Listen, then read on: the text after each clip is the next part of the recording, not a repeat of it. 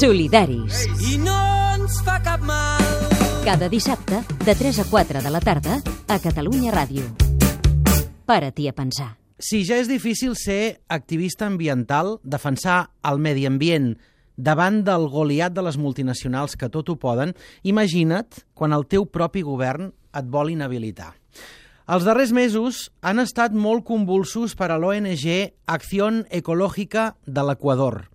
La setmana passada va venir a Catalunya Ivonne Yáñez, una de les seves portaveus. Va seure en aquest estudi, vam gravar una entrevista en la que ens va explicar que el govern de Rafael Correa havia ordenat tancar la seva organització perquè Acció Ecològica ha donat suport continuat al poble indígena Shoar. Els Shoars viuen en una zona en la que una empresa xinesa hi vol construir una mina de coure. Hi ha hagut protestes i fins i tot enfrontaments i víctimes. El tancament d'Acció Ecològica era imminent. Però L'entrevista amb la Ivonne Yáñez no la van poder emetre. Finalment, el govern de l'Equador es va fer enrere i ara aquesta organització podrà seguir fent defensa del medi ambient. Sort que hi ha hagut cordura, especialment perquè l'Equador és el primer país del món que la seva Constitució, l'any 2009, va reconèixer i garantir els drets de la natura i, per tant, l'obligació de tothom de cuidar-la i de respectar-la. Els pròxims minuts ens centrarem en aquesta història. Escoltem primer el nostre expert en afers ambientals, el biòleg i col·laborador dels Solidaris, Eduard Costa.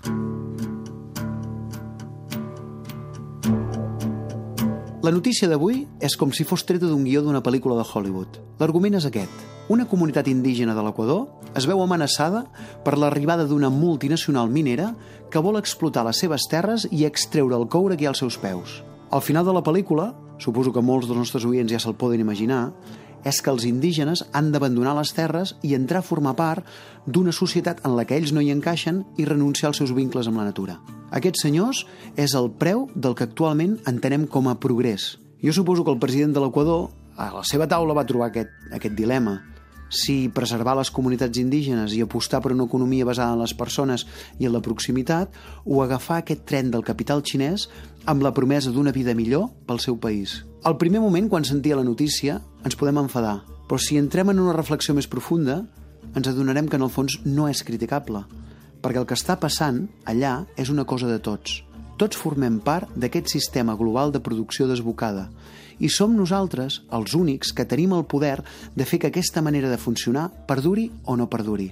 Ens han entrenat dia rere dia per consumir i segons la tele i les pel·lícules, la felicitat i l'èxit es basen en el tenir.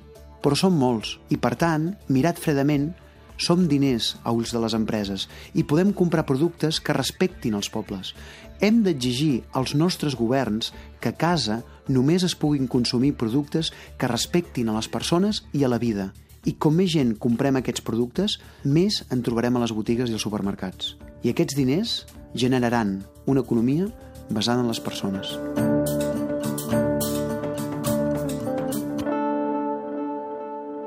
A Facebook, a Twitter i a catradio.cat, Solidaris, amb Adrià Bas.